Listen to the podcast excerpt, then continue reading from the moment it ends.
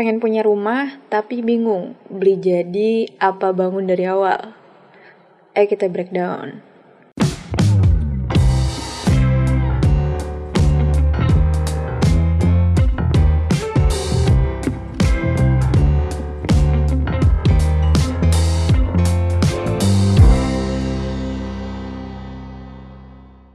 Oke, okay, hai. Selamat datang di Arkitalks episode pertama. Di episode pertama ini, gue mau bah... Oh ya, sebelumnya disclaimer dulu ya. Ini karena episode pertama, jadi gue kesannya agak so tau dulu ya. Karena gue solo ke depannya sih gue berharap banget ada beberapa yang pengen gue ajak kolaborasi buat bikin konten-konten menarik karena gue sendiri juga bukan praktisi arsitektur gue masih junior tapi gue pengen banget uh, di konten ini banyak praktisi yang bisa sharing-sharing ilmu seputar arsitektur. Dan gue pengennya sih nggak cuma orang-orang yang berbackground arsitektur aja yang bisa nikmatin konten ini. Jadi semuanya bisa. Oke. Okay di konten pertama ini gue mau bahas um, beli rumah jadi atau bangun sendiri. Jadi intinya sih setelah gue rangkum-rangkum um, beli jadi dan bangun sendiri itu ibarat lo musisi mau ikut major label apa mau jadi musisi indie? Iya, yeah, apa hubungannya tuh? Jadi gini, kalau misalnya lo beli jadi, ibarat lu ke major label di mana lu ngikut sama developer sementara kalau bangun sendiri lu jadi musisi indie which is lu nggak punya major label kayak developer yang udah punya nama dan lu harus mengarrange sendiri. Mulai dari legalitasnya mulai dari sampai rilis. Sampai lagu lu tuh rilis. Lagu lu rilis artinya rumah lu siap huni. Kayak gitu. Sementara di major label kan lu tinggal terima beres aja. Sementara lu harus bayar komisi ke major label. Kayak hmm, intinya sih kalau misalnya di beli jadi dari developer lu harus um, budgetnya bakal lebih gede. Oke kita breakdown aja lah ya. Kita bahas plus minusnya. Yang pertama kita bahas dulu dari beli jadi di developer kalau lu beli jadi developer kayak gue bilang tadi lu ikut major label udah terima beres tuh jadi soal legalitas soal uh, pembangunan rumah lu lu udah nggak perlu mikir karena itu yang mikirin developernya udah ready. Tapi ada juga proyek-proyek uh, rumah developer itu yang inden. Gue nggak saranin sih karena banyak juga kok yang udah ready stock gitu. Karena kebanyakan yang inden suka agak bermasalah walaupun banyak yang ditawarin karena kayak lebih murah atau um, cicilannya bisa flat kayak gitu. Terus plusnya pun uh, beli rumah jadi dari developer itu lu hemat waktu. Karena yang tadi gue bilang udah jadi. Kadang-kadang ada yang full furnish juga. Tapi tetap di situ harus mengeluarkan budget lebih untuk unit yang full furnish full furnish itu artinya udah ada perabotnya. Jadi tinggal huni aja itu kalau misalnya lo rumah tangga baru yang belum punya rumah. Ya iya. Uh, lu rumah tangga baru yang belum punya perabot. Jadi tinggal ngisi aja gitu. Atau enggak lu uh, ya gitu. Gue mau ngelawak tapi garing. Terus karena legalitas dan waktu lu ringkas alhasil lu bisa investasi di situ investasi waktu tentunya. Karena siap huni. Terus di rumah developer kebanyakan itu sistemnya kan cluster ya. Jadi satu pintu. Terus lu juga suka lihat kan kalau misalnya model-model rumah dari developer itu gak ada pagernya. Kenapa? Karena ya itu satu pintu dijaga di satpam depan. Jadi keluar masuk aksesnya cuma satu dari satpam depan. Which is keamanannya juga terjamin. Karena jelas lu bisa uh, memant ada yang mantau uh, keamanan 24 jam di dalam hunian lo itu. Lalu soal plusnya lagi beli rumah jadi di developer itu ah fasilitasnya. Kalau misalnya lu di developer yang besar kayak inisial S terus L atau AS itu fasilitasnya udah pasti banyak. Udah pasti lu ada misalnya ada taman ada poolnya di dalam satu klaster itu biasanya ada satu pool atau satu gym gitu clubhouse bilangnya biasanya tuh. Clubhouse itu bisa diakses sama si penghuni cluster itu. Terus ada playground ada pokoknya komunal space lah. Ruang terbuka hijau gitu buat penghuni klasternya itu. Terus juga pengelolaannya juga terjamin sih mulai dari sampah air terus kadang-kadang tukang kebunnya bisa ada yang motongin rumput depan rumah lo. Itu juga udah all in all in banget lah. Jadi lo tinggal ya udah tinggal aja. Nggak perlu repot-repot ngurusin iuran air. Eh, eh, maksudnya lo tinggal bayar aja gitu loh. Maksud gue tuh gitu. Terus terus terus mulu kayaknya ntar gue bisa ngitung deh gue berapa kali ngomong terus. Itu sih plusnya tadi beli rumah jadi dari developer minusnya kekurangannya. Beli jadi dari developer itu yang pertama modelnya. Ini banyak banget sih yang dikomplainin. Kalau misalnya gue uh, iseng-iseng tanya temen gue mereka nggak suka beli rumah di developer karena modelnya sama.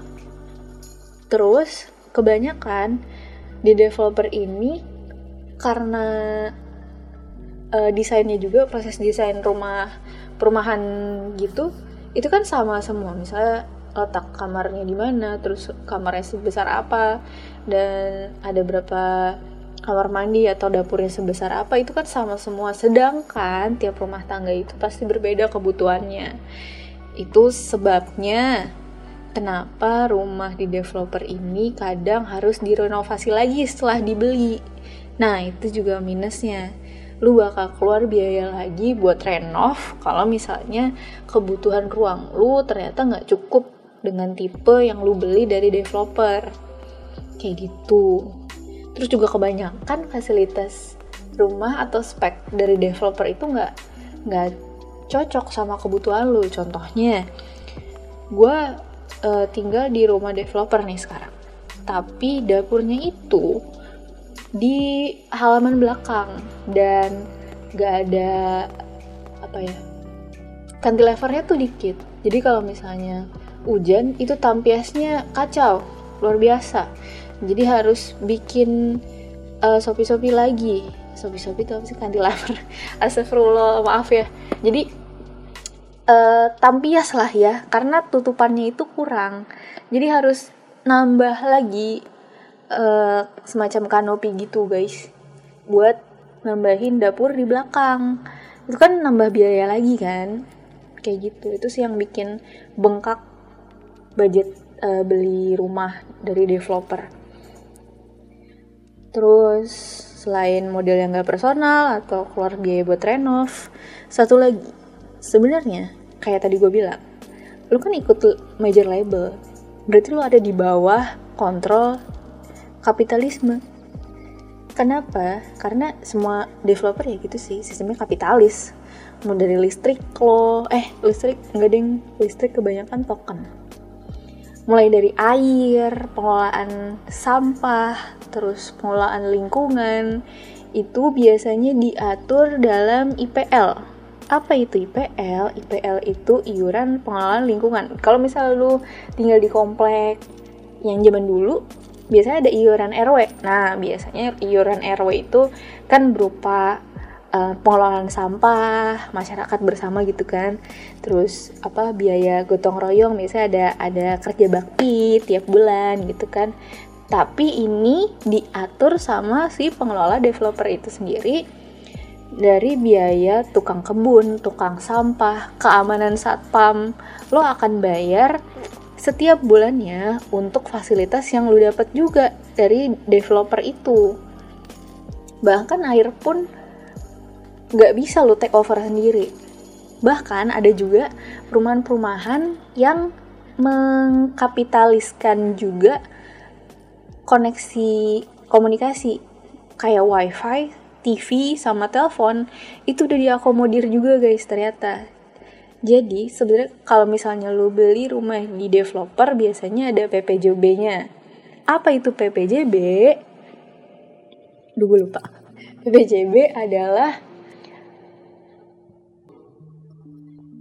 peni perjanjian peningkatan jual beli. Nah, di situ adalah perjanjian antara lo dan developer lo. Intinya sih tentang hak dan kewajiban seputar antara lo dan si developernya ini.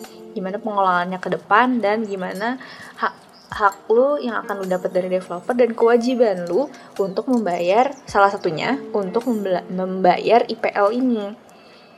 Sebenarnya nyebelin sih, karena gue juga baru tahu pas gue uh, baru pindah ke rumah developer karena biaya IPL ini sebenarnya tinggi banget guys IPL ini menarik buat dibahas karena gue kayak yang fucked up with this capitalized system gitu. Karena selain gini selain lu uh, beli rumah yang harganya lebih mahal daripada yang lu bangun sendiri karena itu kan masuk ke intinya lu kalau misalnya dibandingin rumah bangun sendiri dengan developer Iya bakal lebih mahal developer karena lu lu bakal bayar buat marketing si developernya itu sendiri. Pasti ada ada ada ada rev, harus ada revenue dong dari si developer ini. Terus ada keuntungan karena mereka ambil untung juga dari bangun sendiri eh dari pembangun uh, biaya bangun rumahnya dan biaya marketingnya itu sendiri. Garet lanjut ya tadi kan kita lagi ngomongin IPL IPL ini cara ngitungnya biasanya per meter persegi luas tanah. Jadi kalau misalnya gue lihat-lihat sih IPL itu mulai dari 1200 rupiah sampai yang paling mahal tuh di daerah Serpong ada yang 8500 per meter persegi. Bayangin aja kalau misalnya rumah lo luas tanahnya 100 aja 100 tuh bisa tipe berapa ya? 4, 5, 90 kali ya. Aduh, bodoh juga gue ngitungnya. Ya pokoknya gitu ya. Pokoknya luas tanah misalnya 100 100 meter persegi. Lu beli dari developer dan lu harus membayar IPL tiap bulan ya. Berarti kan kalau misalnya yang paling mahal nih kita. Soalnya uh, misalnya lu beli di Serpong. Luas tanah 100 meter persegi. IPL di Serpong 8 1.500 per meter persegi. Berarti tiap bulannya lu harus membayar iuran senilai 850.000 per bulan untuk biaya pengelolaan lingkungan di rumah lo. Tapi biasanya kan ya, itu kan mencakup biasanya tuh sampah, air, air gue bi air juga nggak ya? Kayaknya iya sih. Uh, sampah, air, uh, kebun terus keamanan dan lain-lain lah pokoknya. Fasilitas-fasilitas yang ada di dalam perumahannya deh pokoknya semuanya itu. Itu kalau misalnya lu nggak huni gimana tuh? Lu tetap bayar tapi dikurangin dengan pengelolaan sampah. Karena kan lu nggak tinggal di situ jadi nggak ada sampahnya jadi lu harus bayar. Tapi sisanya kayak pengelolaan yang lain tetap lu harus bayar jadi itulah kenapa gue menyimpulkan kalau lu mau beli rumah di developer khususnya developer yang gede ya. Karena developer yang nggak terlalu gede biasanya juga nggak ada IPL-nya sih yang tadi gue bilang yang yang nggak ada satu amet tapi nggak ada pagernya juga gitu. Biasanya sih nggak ada tuh IPL IPLan gitu deh guys oh iya minusnya satu lagi. Satu lagi yang paling krusial minusnya dari perumahan developer. Khususnya yang gede. Gak ada tukang sayur lewat coy. Sedih hidup gue. Malam-malam gak ada tukang somai. Gak ada mie dok dok gak ada nasi goreng. Lo harus masak sendiri. Bisa diet sih gue karena gue males masak gitu males malam-malam. Kan kalau lapar jadi curhat kan gue. Oke. okay, kita lanjut aja. Ke tadi udah ya dari lu beli jadi sendiri di developer sekarang kita move ke kalau misalnya lu bangun sendiri. Nah ini menarik nih. Karena sebenarnya gue juga punya mimpi kalau misalnya gue udah mampu beli rumah gue mending beli eh gue mending bangun sendiri. Asli. Kenapa? Kayak kita bahas dulu ya. Plusnya dulu nih. Yang tadi gue bilang gue pengen bangun sendiri karena ya desainnya bisa personal sesuai kebutuhan. Gue butuh ruang tidur berapa gue butuh luas berapa terus gue pengen kayak apa bentuknya segala macam itu pendekatannya tuh lebih personal. Jadi lu jauh lebih nyaman dibanding lu tinggal di rumah yang flat sama semua sama tetangga lo lebih manusia manusiawi juga sih. Kalau misalnya desain itu personal. Ya gak sih? Terus yang kedua bangun sendiri itu lu bisa sesuaiin sama budget lu. Iya sih kalau misalnya lu beli sorry soalnya kalau misalnya beli di developer bisa sesuaiin sama budget juga. Lu bisa misalnya lu ke uh, properti expo terus nyari-nyari yang sesuai sama budget lu juga bisa. Cuma ini tuh jauh lebih fleksibel kalau misalnya lu beli rumah sendiri. Karena lu bisa atur spek per materialnya juga guys. Lu bisa mikirin uh, tiap detail dalam rumah lo tuh bisa lo pikirin sendiri. Itu sebabnya rumah yang bangun sendiri itu lebih sustain. Karena lu mikir juga itu bakal lu pakai buat apa dan bisa tahan berapa lama. Dan lu bisa mikir untuk um, spek yang lu pilih itu bakalan uh, bertahan lama atau enggak? Gitu. Biasanya sih uh, pasti sustain. Bakal bertahan dalam jangka waktu lama. Lu nggak bakal bolak-balik renov rumah atau nggak bolak-balik nambahin something di rumah lu kayak kanopi atau lu nambahin paling nambahin dikit-dikit lah paling yang kayak kayak lu pengen ada kolam ikannya lah lu yang pengen bikin garasi baru lah karena lu kebanyakan duit beli mobil lagi kan ya kan? Amin. Gitu sih lebih hemat di situ. Di situlah hematnya. Ibarat lu beli uh, ibarat lu pengen gorengan nih. Ibarat lu pengen rumah kayak pengen gorengan lu mau beli dari orang atau lu mau bikin sendiri? Pasti lebih hemat bikin sendiri deh. Iya enggak terus plusnya bangun sendiri itu ya itu sih jangka panjang. Investasi juga. Lu bisa mikirin misalnya lu pengen hmm, menghabiskan masa tua lu di situ gitu. Pengen punya anak dan anak lu bisa tinggal juga di situ kan. Lu bisa pikirin juga kalau misalnya lahannya segini coba ntar bisa dibagi dua kali ya mana gue gitu. Atau enggak lu bisa uh, berencana jangka panjang juga. Misalnya lu bisa uh, mungkin dalam berapa puluh tahun lu akan ubah jadi apa gitu. Itu bisa banget. Karena kalau developer ada akadnya juga kadang-kadang kalau misalnya lo mau renov. Ada yang ada jangka waktunya. Misalnya lo dalam jangka waktu berapa tahun lo bisa renov atau segala macamnya itu ada di PPJB coba uh, tapi biasanya sih lo bisa konsultasi juga di developernya. Kayak gitu deh.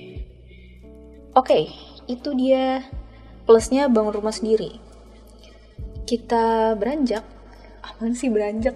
Kayak di kayak di kuliahan. Kita ke minusnya. Minusnya bangun rumah sendiri.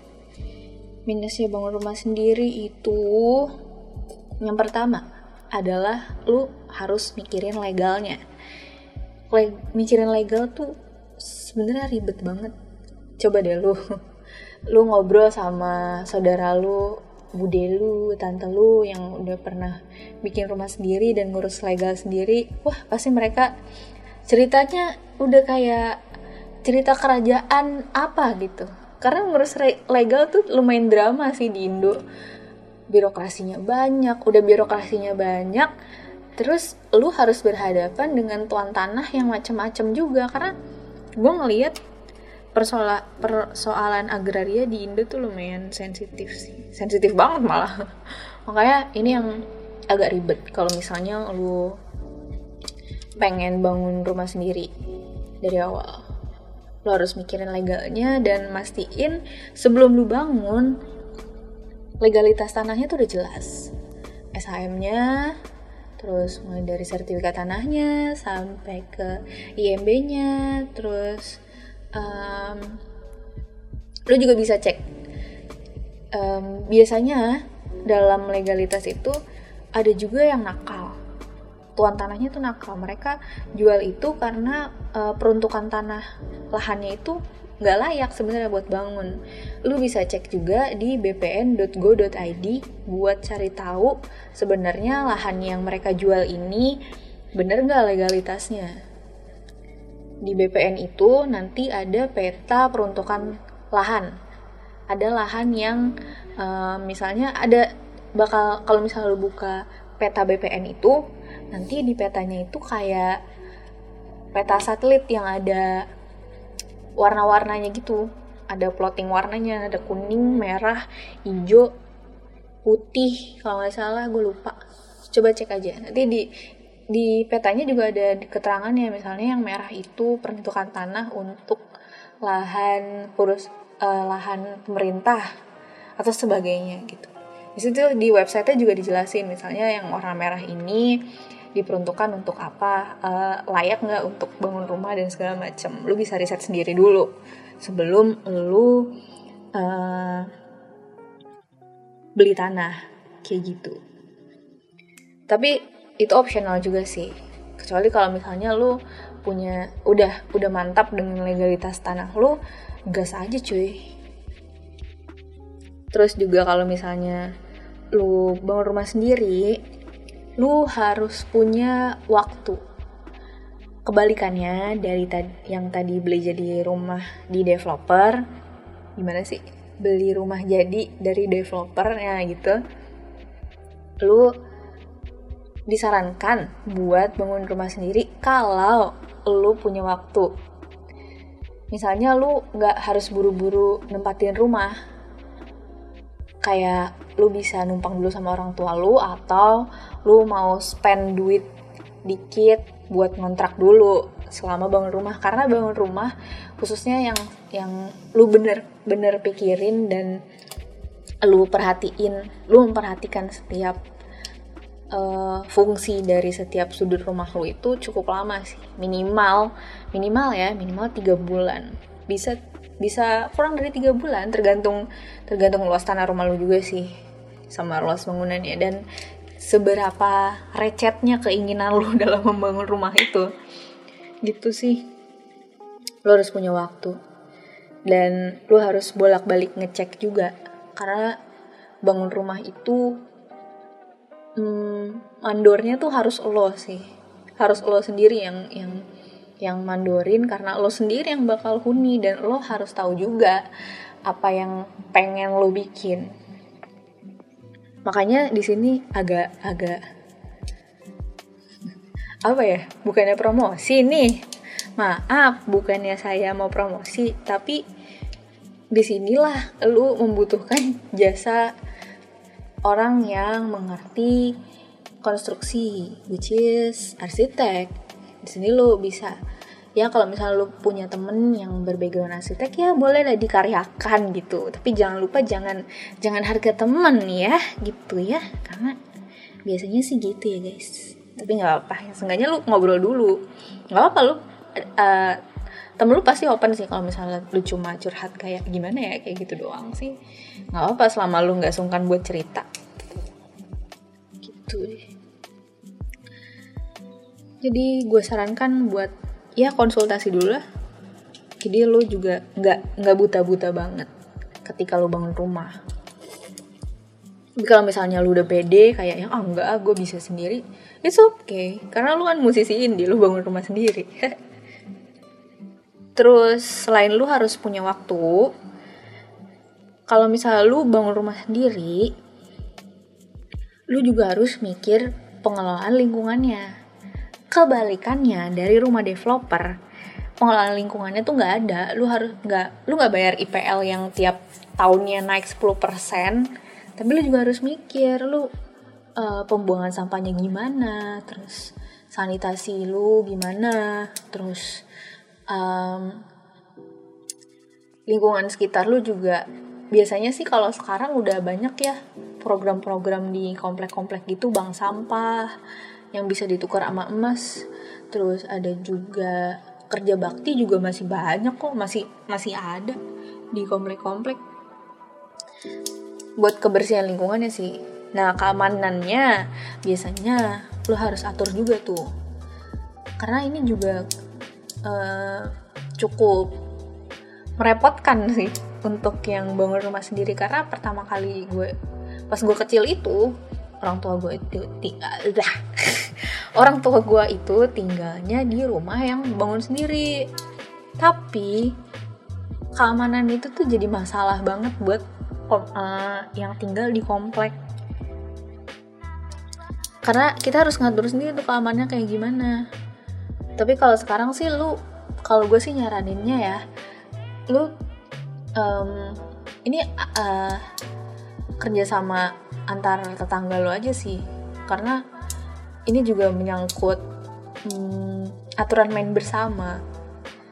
Kayak uh, gimana caranya ngatur orang asing yang masuk ke rumah lo atau um, gimana caranya membangun lingkungan yang terbuka. Karena kebanyakan gue pribadi waktu tinggal di rumah yang bikin sendiri itu itu tuh keamanannya nggak aman karena tetangganya itu nggak terlalu aware sama sekitar. Jadi banyak uh, kejadian kriminalitas asik. Mulai dari maling motor mulai dari apa ya maling yang masuk ke rumah itu tuh sering banget di di komplek-komplek dan lu harus harus menjaga keamanan lu kerja sama juga sama tetangga lu kanan kiri lu. Lu juga harus aware sama tetangga-tetangga lu. Misalnya ada orang asing yang mencurigakan gitu kan di sekitar rumah lu bisa bisa tapi itu bisa juga loh hire satpam. Dulu juga gue pernah hire sat uh, satpam bersama gitu. Di rw di komplek tapi kerjanya mulai dari jadi ada satu pos ronda. Kalau kalau di komplek komplek bisa ada pos ronda gitu kan. Ada satu pos satpam gitu khusus kita hire satu rw itu buat jaga. Jadi di portal tuh biasanya sistem portal gitu. Tapi tetap aja ya kalau misalnya siang-siang juga nggak menghindarkan rumah lo dari kriminalitas. Nah, itu dia bisa di uh, tindakan preventifnya itu di, bisa dicegah dari desain rumah lo sendiri. Desainnya gimana caranya rumah lo ini selain nyaman juga punya keamanan, sistem keamanan yang oke. Okay. Mulai dari pagarnya, terus sirkulasinya, terus juga apa tuh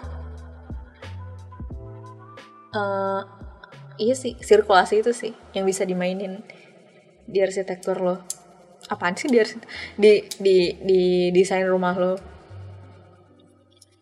banyak sih referensi-referensinya mungkin bisa dibahas di konten selanjutnya